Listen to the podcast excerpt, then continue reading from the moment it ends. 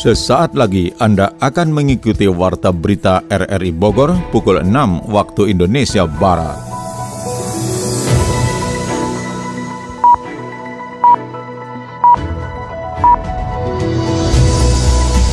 Selamat pagi.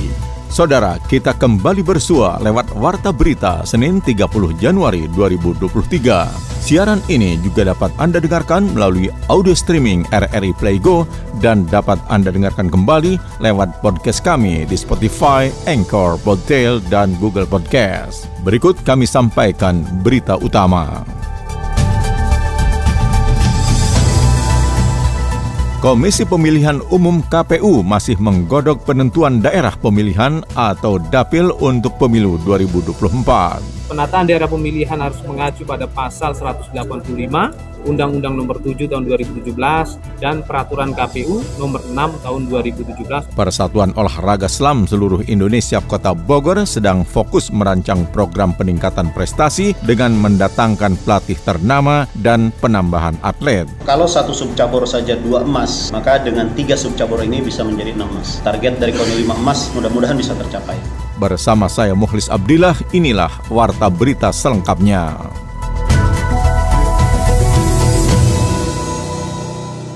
Saudara Komisi Pemilihan Umum KPU masih menggodok penentuan daerah pemilihan atau dapil untuk pemilu 2024. Catatan selengkapnya disampaikan Sony Agung Saputra. Aparatur KPU dari pusat hingga daerah masih melakukan kajian terkait penentuan daerah pemilihan dapil untuk pemilu legislatif 2024. Seperti diketahui saat ini sudah ada keputusan Mahkamah Konstitusi yang memperbolehkan KPU untuk melakukan kajian dan penentuan daerah pemilihan untuk DPR RI, DPD Provinsi, dan DPRD Kabupaten Kota dengan aturan yang sudah ada dalam peraturan dan PKPU. Komisioner KPU Republik Indonesia Idam Holik menjelaskan pada bulan Februari merupakan batas akhir penetapan daerah pemilihan untuk bisa menjadi kepastian dalam pemilu legislatif. Dalam penetapan daerah pemilihan, pihaknya tetap mengacu pada undang-undang kepemiluan masih ada beberapa persyaratan yang harus dipenuhi untuk penetapan tersebut. Untuk itu KPU RI melakukan kajian apakah sesuai dengan mekanisme penetapan daerah pemilihan hasil dari putusan Mahkamah Konstitusi. Februari 2023 adalah batas akhir dari tahapan penataan daerah pemilihan untuk pemilu anggota DPRD Kabupaten Kota dan berdasarkan pasal 195 ayat 2 Undang-Undang Nomor 7 Tahun 2017 KPU akan berkonsultasi dengan DPR. Nah, nanti kita lihat yang jelas penataan daerah pemilihan harus mengacu pada pasal 185 Undang-Undang Nomor 7 Tahun 2017 dan Peraturan KPU Nomor 6 Tahun 2017 khususnya pasal 7 kita lihat apakah sesuai dengan prinsip-prinsip penataan daerah pemilihan atau tidak. Sementara itu Kota Bogor menjadi salah satu yang menjadi kajian dari KPU RI sebab ada wacana pemisahan dapil untuk DPR RI yang saat ini Kota Bogor masih tergabung dengan Kabupaten Cianjur. Ketua KPU Kota Bogor Samsudin menjelaskan pihaknya terus berkoordinasi secara berjenjang dengan KPU Jawa Barat dan KPU RI untuk penetapan dapil. Saat ini pihaknya masih fokus untuk penataan dan penetapan dapil bagi yang akan menduduki kursi DPR DPRD Kota Bogor karena ada kemungkinan pemecahan atau tetap menggabungkan Kecamatan Bogor Tengah dan Timur dalam satu dapil. Pada prinsipnya KPU Kota Bogor itu seperti kabupaten kota lain itu adalah pelaksana regulasi, pelaksana undang-undang, pelaksana PKPU. Kalau memang KPU RI memutuskan A terhadap sesuatu maka kita harus siap. Justru kalau kita bicara penataan dapilnya, Kota Bogor dan Kabupaten Cianjur ini sebetulnya adalah dapil yang tidak memenuhi unsur-unsur uh, penataan daerah pemilihan. Karena disebutnya juga dapil Superman gitu. Dapil yang terhubung udaranya saja kan daratnya tidak. Nah di situ sebetulnya adalah satu hal yang urgent yang harus kita ubah. Tapi apa pun keputusannya KPU Kota Bogor akan siap melaksanakan perintah dan arahan dari KPU RI dengan adanya penetapan dapil ini maka masyarakat bisa dengan mudah melihat dan memilih wakil rakyat dalam pemilu legislatif dan presiden 14 Februari 2024 mendatang. Wabah penyakit yang bermutasi bermutasi lewat perantaraan makhluk hidup lainnya hingga mewabah pada manusia merupakan ancaman yang harus diwaspadai. Kita simak catatan Yofri Haryadi.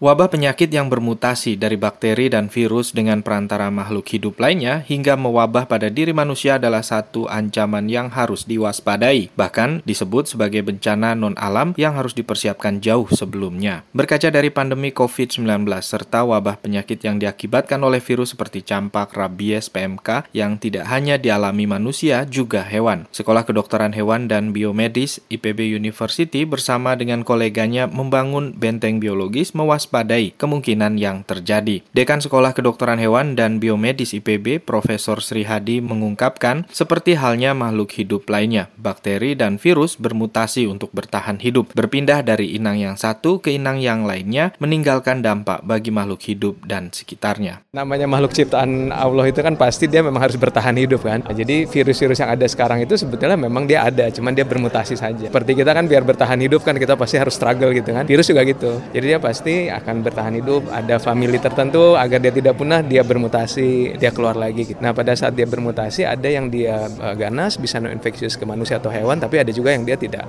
tidak ganas. Jadi sebetulnya bukan dimunculkan ya memang alam aja. Tapi yang kedua mungkin ada juga yang memang karena habitat mereka terganggu dan sebagainya. Nah itu jadi virus-virus itu mah jadi mudah ke kita. Mungkin habitat alam terganggu. Sejauh ini ya manusia kan makhluk yang paling mulia yang diciptakan Allah ya, yang punya akal, punya lain sebagainya. Kita pada saat COVID kita tidak tahu bahwa bahwa itu ternyata sesuatu yang tidak siap dengan hal itu ya. Jadi mudah-mudahan dengan COVID itu kita bisa lebih siap lagi. Makanya kita sebut namanya re-emerging disease. Re-emerging disease itu penyakit yang ada lagi gitu, keluar lagi gitu ya, yang tadi tidak ada. Melalui program kerjasama Indonesia One Health University Network atau Indohun, benteng ketahanan bangsa Indonesia dari wabah dan endemik virus berbahaya dapat ditingkatkan. Seperti diungkapkan koordinator program Indohun Profesor Agus Wandono, berbagai antivirus penyakit seperti COVID-19 anti PMK, rabies, dan perkembangan genetik bakteri pembawa penyakit telah diciptakan dalam program tersebut. Itu ada desa bijak antibiotik kita kan tahu bahwa antibiotik itu merupakan satu bencana non alam juga. Kena satu virus aja kita bingung, tapi apalagi kalau obatnya sudah resisten semua, mati semua kita. Kita harus hati-hati dengan antimikrobial resisten dan itu oleh mahasiswa di sana dikembangkan desa bijak antibiotik. Bagaimana mereka betul-betul mengerti bahwa makan obat tidak sembarangan dan segala macam. Desa bebas rabies. Kemudian di UNER itu sudah dikembangkan satu kegiatan-kegiatan One Health yang berhubungan dengan City Kota Sehat. Ancaman penyakit regeneratif dapat terjadi kapan saja. Penggunaan senyawa kimia untuk memanipulasi genetik dan pertumbuhan untuk produktivitas berlebih, baik pertanian dan peternakan, secara tidak langsung mempengaruhi produk olahan yang dihasilkan hingga ke proses konsumsinya, dan manusia menjadi rantai terakhir dalam siklus tersebut berikut dampak yang diakibatkan secara tidak langsung mempengaruhi kualitas kesehatan dan lingkungan hidup. Bank Indonesia mendukung Kabupaten Sukabumi membuka sumber potensi ekonomi baru untuk kesejahteraan masyarakat. Adi Fajar Nugraha menurunkan catatannya.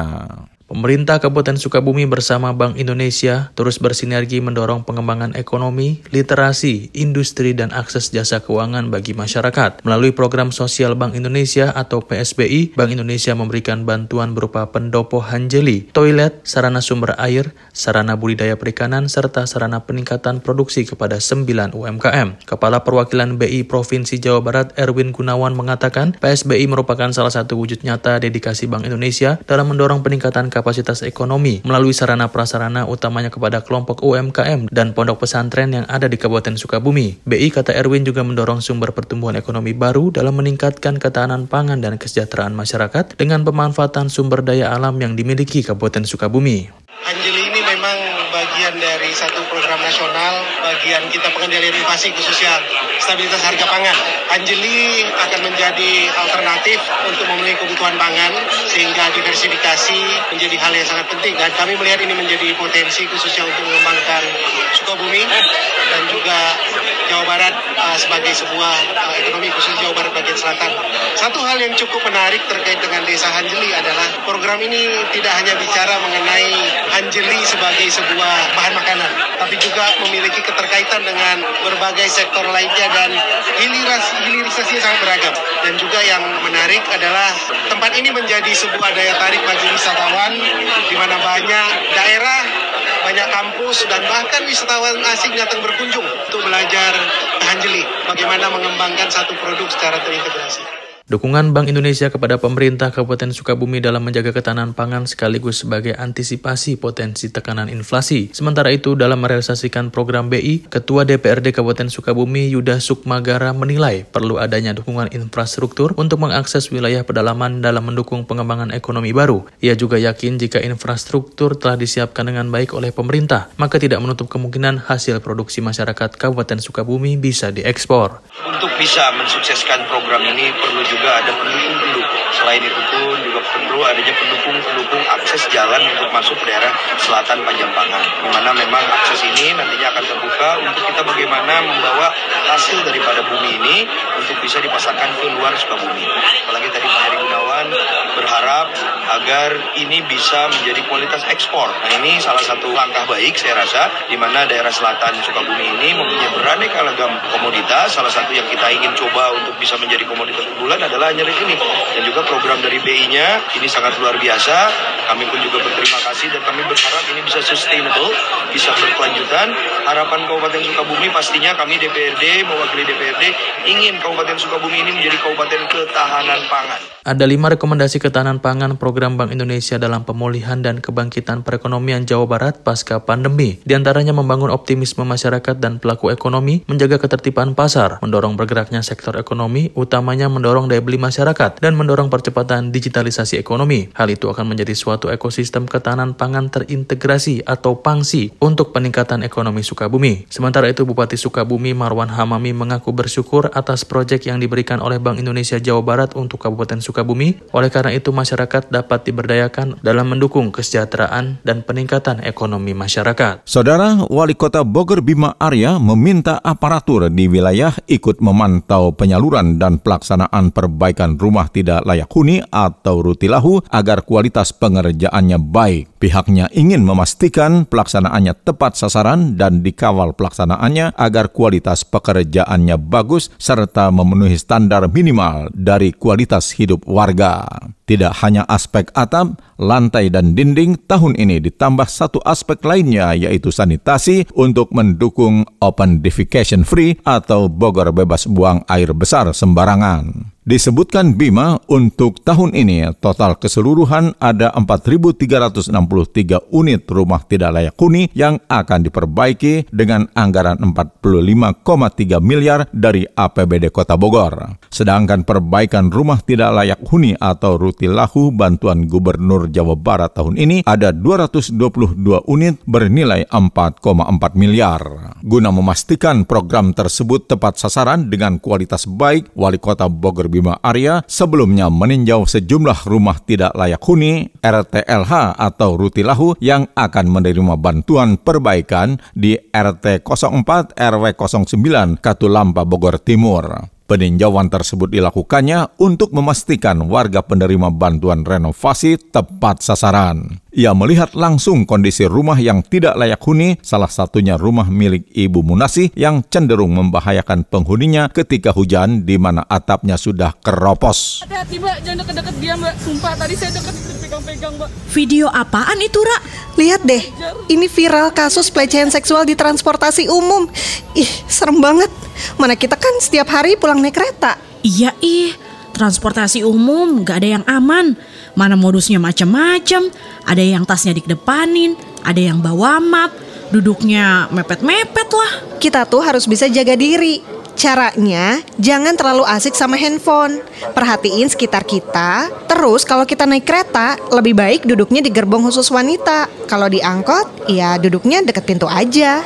Iya sih, biar aman. Bisa juga nih, siapin dalam tas semprotan dari cairan cabai atau merica. Atau kalau berani, teriak aja. Jangan diem-diem baik. Nah, benar. Eh, tuh keretanya udah mau datang.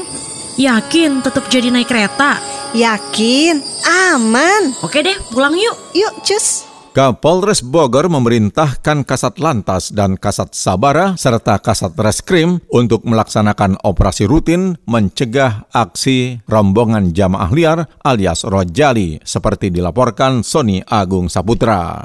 Kapolresta Bogor Kota menghimbau stop Rojali dengan menggelar ngopi bareng bersama Kapolresta Bogor Kota di Food Court Taman Manunggal, Menteng, Bogor Barat, Sabtu 28 Januari 2023 malam. Kapolresta Bogor Kota Kombes Pol Bismo Teguh Prakoso menyampaikan pesan-pesan Kantipmas untuk memberikan informasi situasi terkini yang terjadi di wilayah Kota Bogor, termasuk di wilayah sekitar Kecamatan Bogor Barat. Fenomena tentang rombongan jamaah liar Rojali atau anak-anak yang memberhentikan kendaraan yang melintas hanya untuk menjadi konten menjadi keresahan warga. Menanggapi hal itu, Kombes Pol Bismo Teguh Prakoso sudah memerintahkan Kasat Lantas, Kasat Sabara, dan Kasat Reskrim untuk melaksanakan operasi rutin demi mencegah terjadinya aksi rojali. Selanjutnya, kepolisian mengajak masyarakat untuk mengarahkan anak muda untuk melakukan kegiatan positif sehingga bermanfaat untuk warga sekitar. Seorang wanita yang ditangkap warga di desa Tajur Halang, Cijeruk, Kabupaten Bogor karena dicurigai penculik anak diindikasikan menderita gangguan jiwa. Kita simak catatan Yofri Haryadi.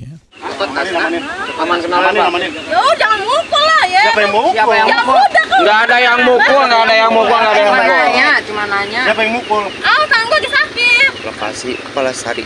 Penculikan. Sari, iya. Wah bener ya amankan amankan. Amankan, amankan, mah benar. Amankan. KTP-nya mana KTP-nya? Nggak ada. Kecemasan warga atas kasus penculikan anak di Cijeruk dan Cigombong, Kabupaten Bogor semakin menjadi-jadi. Seorang perempuan usia 30-an tanpa identitas diamankan warga dari Desa Tajur Halang, Kecamatan Cijeruk ke salah satu rumah warga di Desa Palasari. Keberadaannya sangat mencurigakan, mondar-mandir dan sesekali melihat anak kecil di tengah lingkungan warga itu pun mencurigakan hingga akhirnya diamankan pada Sabtu malam di salah satu rumah warga. Warga memvideokan hingga viral di media sosial tertangkapnya pelaku penculik anak. Seperti diungkapkan warga Palasari Cijeruk, Pardi. Ya dia cuma mondar mandir doang di sini. Katanya dari Tajur Halang jam 2. Terus dia datang ke sini, di sini mondar mandir. Orang kan pada curiga. Terus dia ditanya ke sini itu mau ke sama siapa?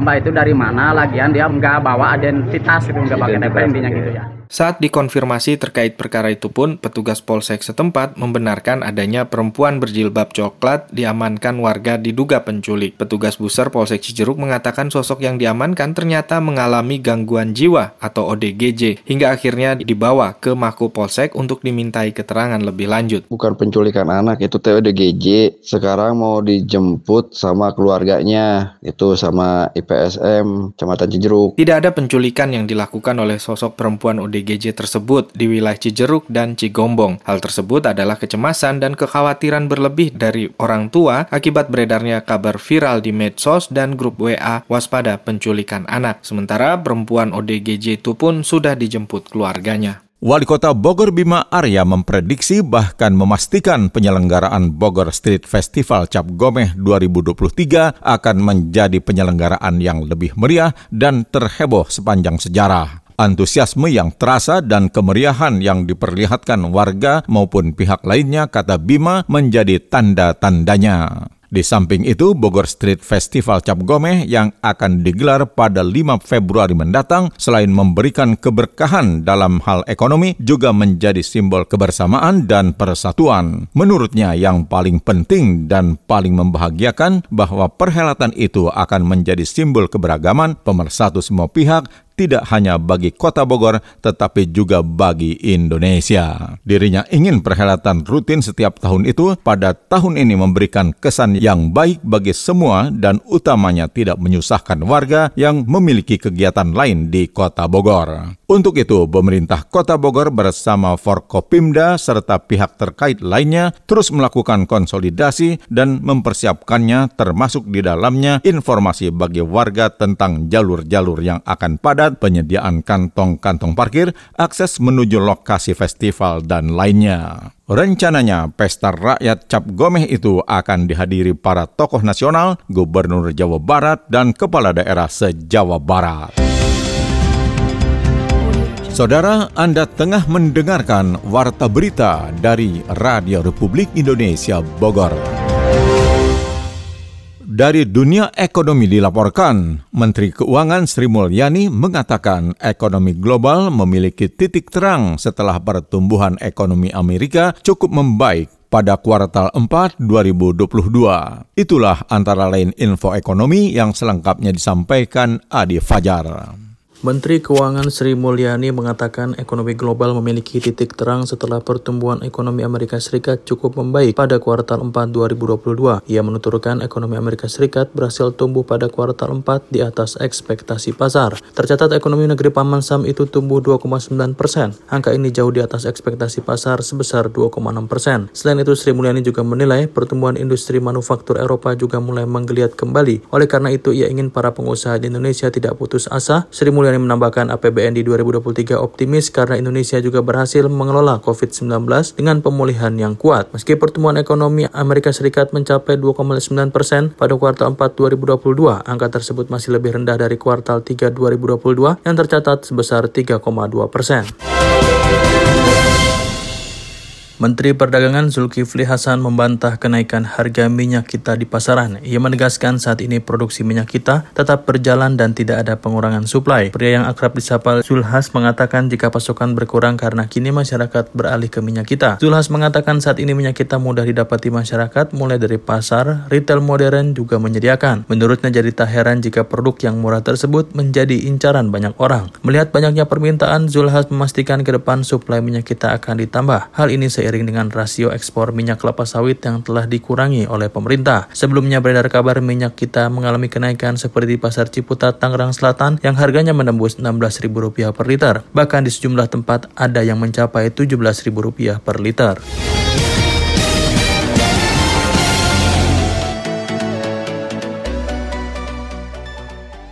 Berita olahraga.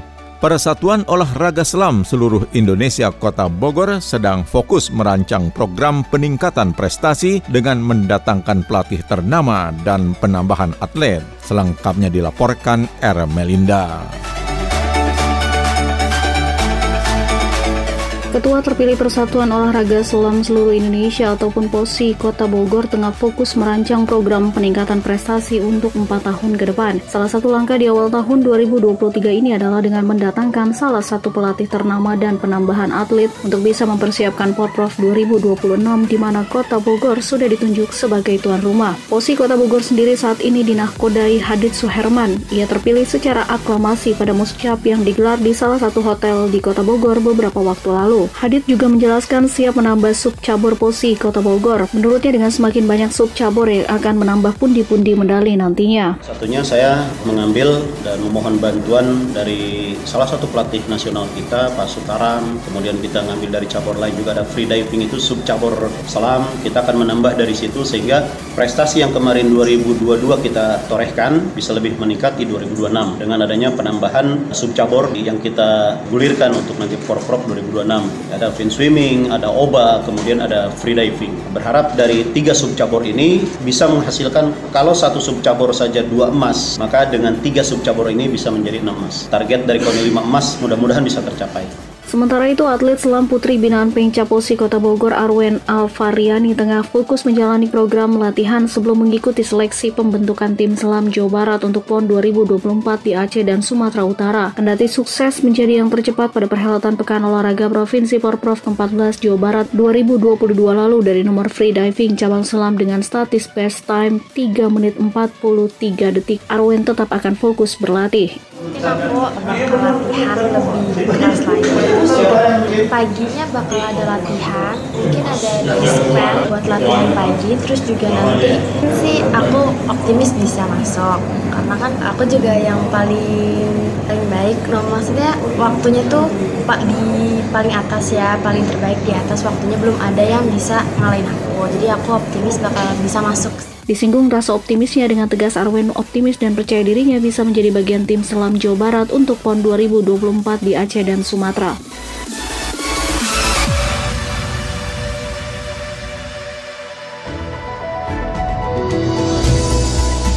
Saudara, informasi olahraga tadi sekaligus menutup perjumpaan kita lewat Warta Berita RRI Bogor pagi ini. Sekali lagi kami sampaikan berita utama. Komisi Pemilihan Umum KPU masih menggodok penentuan daerah pemilihan atau dapil untuk pemilu 2024. Persatuan Olahraga Selam seluruh Indonesia Kota Bogor sedang fokus merancang program peningkatan prestasi dengan mendatangkan pelatih ternama dan penambahan atlet. Siaran ini dapat Anda dengarkan kembali melalui podcast kami di Spotify, Anchor, Podtail, dan Google Podcast. Saya Muhlis Abdillah merangkap Des Editor bersama penata teknik Novel Noviansyah mengucapkan terima kasih atas kebersamaan Anda. Selamat pagi.